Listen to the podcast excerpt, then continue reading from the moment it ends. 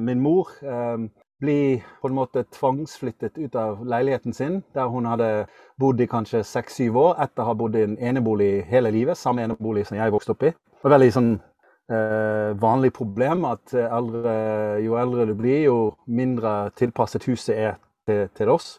Så hun blir tvangsflyttet uh, ut av leiligheten etter legen sa um, Hun hadde en uh, liten operasjon og det var noen komplikasjoner. Så lå hun på sykehus, og legen sa dessverre så er ikke boligen din tilrettelagt for deg å bo alene i. Og det, det traff meg hardt. Uh, ikke minst fordi det var min mor, men også jeg tenkte hvem sin feil er det? Og jeg egentlig pekte mot meg sjøl, som var utdannet arkitekt. Og jeg tenkte at det er ikke hennes feil at bolig er ikke tilrettelagt, det er min feil eller min profesjonsfeil. Det sa David Coates, som er høyskolelektor på Høgskolen Kristiania i Bergen, og tilhører um, avdeling for økonomi, innovasjon og teknologi. Og mitt navn er Arne Krumsvik.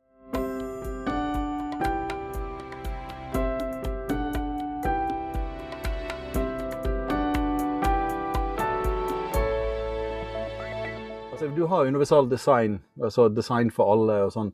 Men den er jo en slags rammeverk som mange bedrifter og mange bare bruker til å liksom check the boxes. Eh, vi har gjort det og det og det.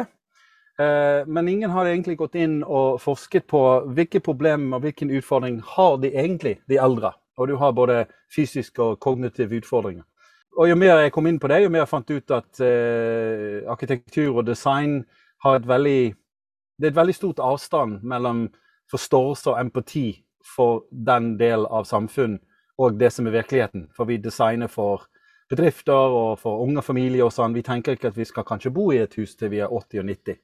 Så huset, kort sagt, vi rett og slett vokser ut, eller ja, vi vokser ut av, av husene våre og vil bli tvangsflyttet eller flyttet inn i en bolig som er tilrettelagt og kanskje nedvergende designet for, for de siste årene vi har. Og jo eldre samfunn blir, jo større problem dette blir. Og vi vet at det kommer en eldrebølge. Så kort sagt det er det jeg holder på med ellers. Men det driver stort sett om eh, Det dreier seg mest om innovasjon.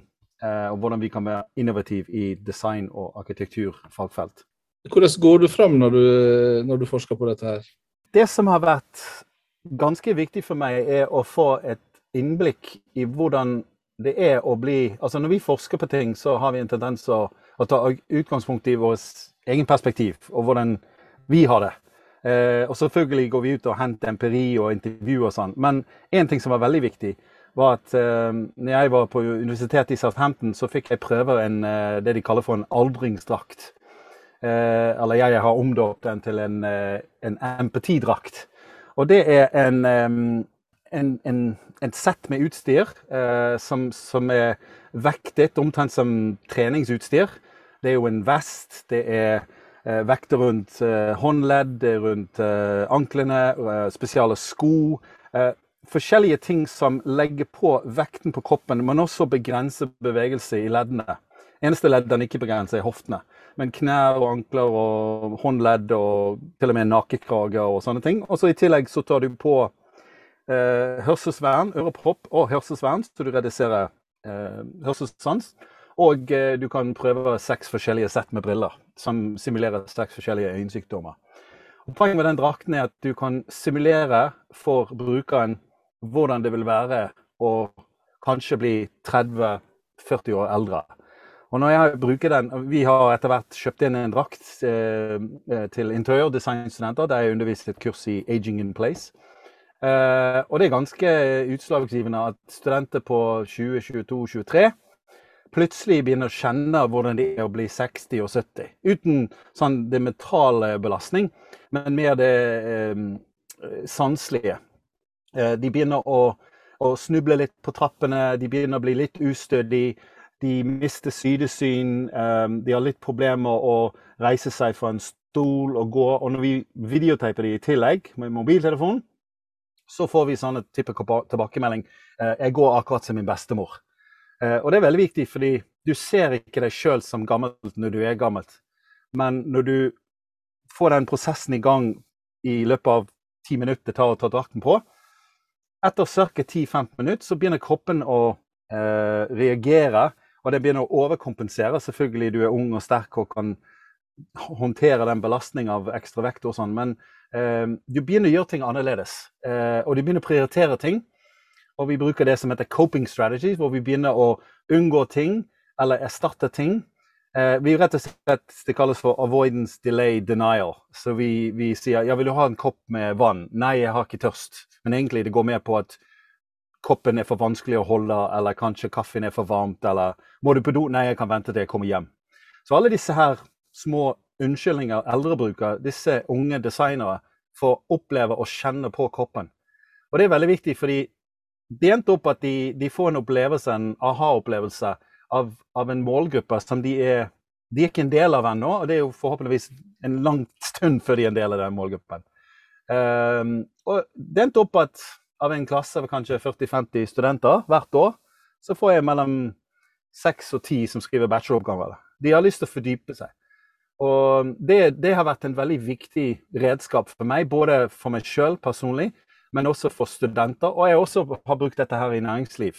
Eh, for å hjelpe bl.a. landskapsarkitekter gå i en park som de skal redesigne, og kjenne hvor vanskelig det var å gå på en bakke som ser ikke bratt ut, eller finne seg en benk der det ligger litt inn på, på banen, så du må opp en liten eh, trappetrinn for å komme til banen. Altså, alt som ser enkelt ut, plutselig har en ekstra grad av utfordringer når du, når du passerer en viss alder.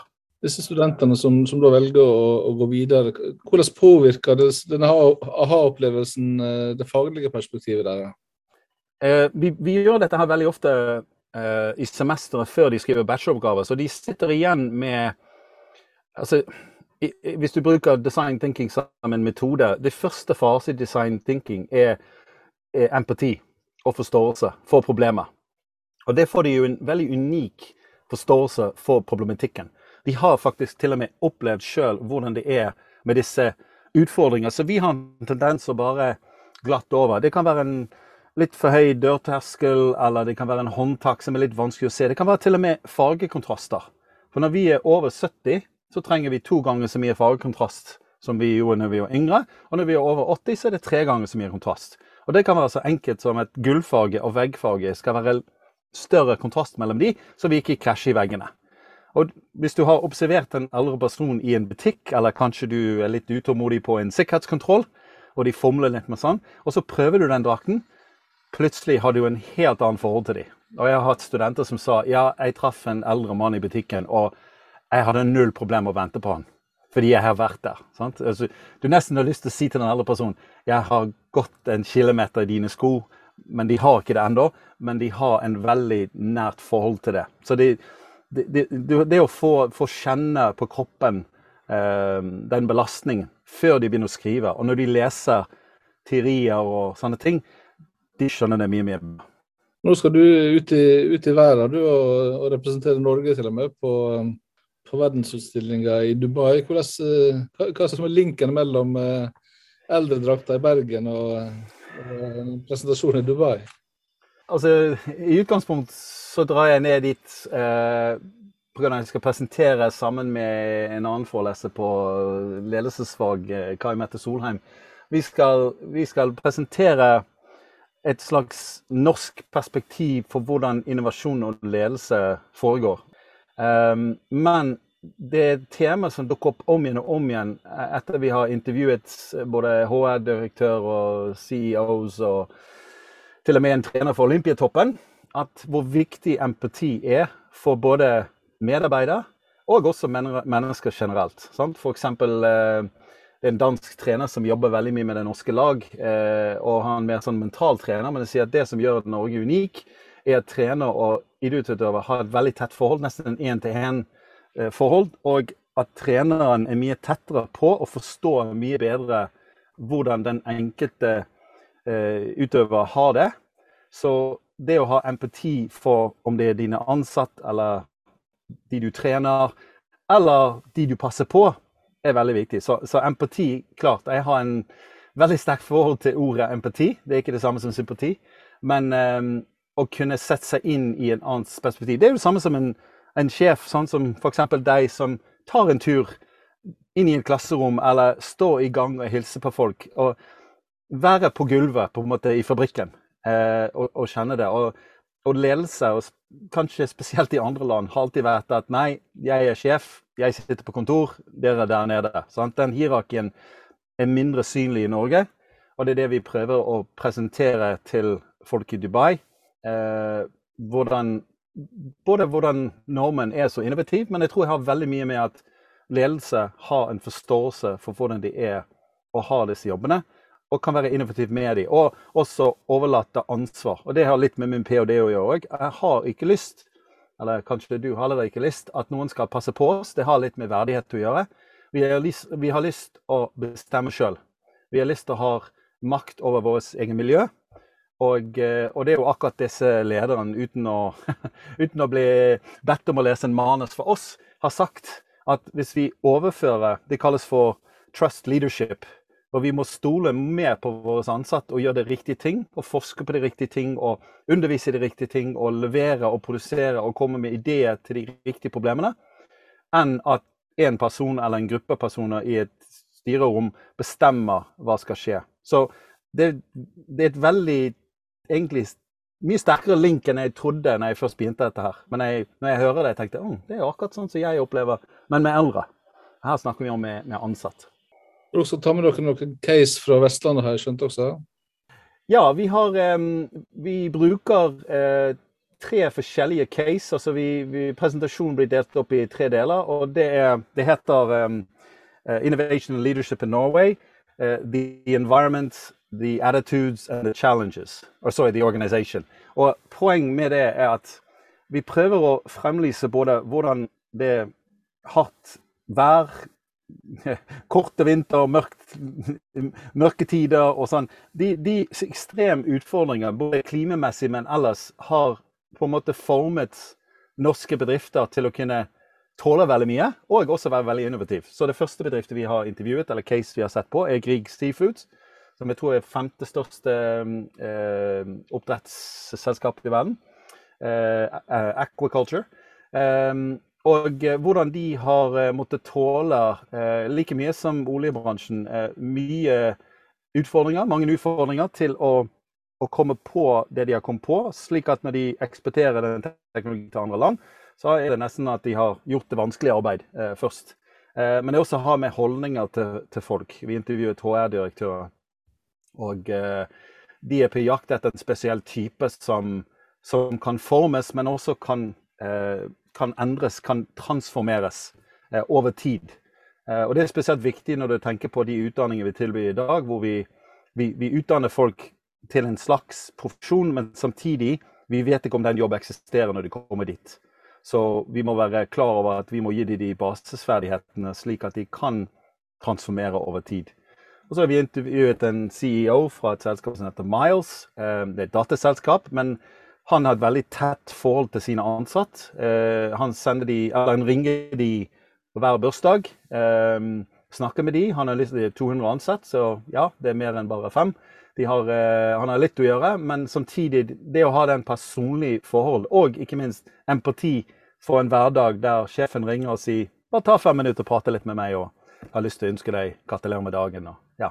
Og det siste var han Mikael Mikkel Jørgensen heter han. Han er eh, trener Eh, med Limpetoppen på Vestland. Han er dansk.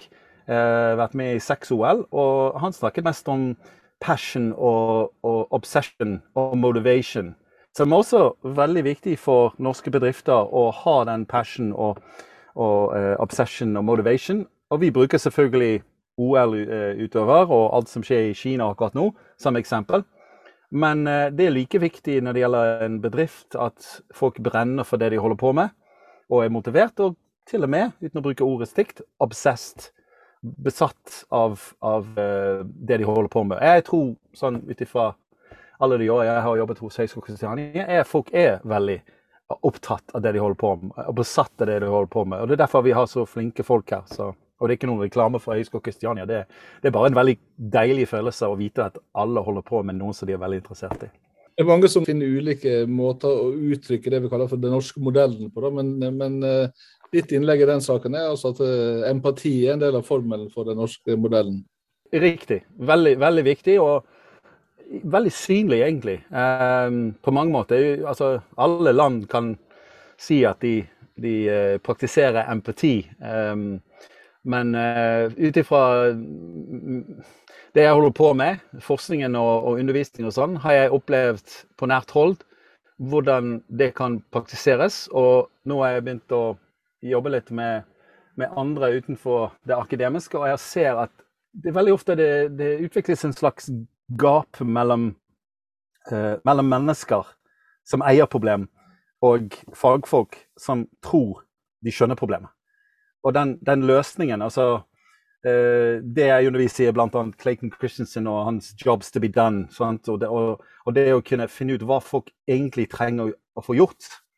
Uh, og når jeg ser på hvor mye teknologi og duppedings er brukt til å hjelpe eldre å løse problemer, og iPads og tracking og you name it, jeg tenker nei, egentlig de trenger varmt vann til å lage te. De trenger ikke en iPad til å bestille varmt vann. Og, så vi har en tendens å overkompensere eller kanskje gjøre ting vanskeligere enn de trenger å være. Og vi må være flinkere til å spørre både ansatte og studenter og eldre hvilken jobb er det vi kan gjøre for deg. Og når vi har funnet ut den jobben, så kan vi begynne å løse den. Men vi har en tendens å finne på noen ting, og så prøver de å bruke det mot den jobben. Du hører ordet hele tiden. Ja, men vi kan bruke teknologi. Jeg tenker nei, vi kan ansette teknologi hvis vi vet hva det brukes til men vi må først finne ut. og Det er derfor det er så viktig å ha et nært forhold til både ansatt og, og mennesker generelt, eh, og forstå gjennom empati hvordan er deres verden. Stå, i et, altså, stå et annet sted uten altså Det er et uttrykk som sier eh, eh, du, du, kan skifte din perspektiv uten å bevege føttene. Sant? Det er mentalt. Eh, men, men, det at vi bruker en aldringsdrakt, eh, hjelper studenter virkelig det nesten tvinge de til å skifte perspektiv, så plutselig er de belastet med ekstra ting. Og så, Jeg kan snakke om eldre, og de har en bestemor og bestefar, og de tror de kjenner det, men det er ikke det samme.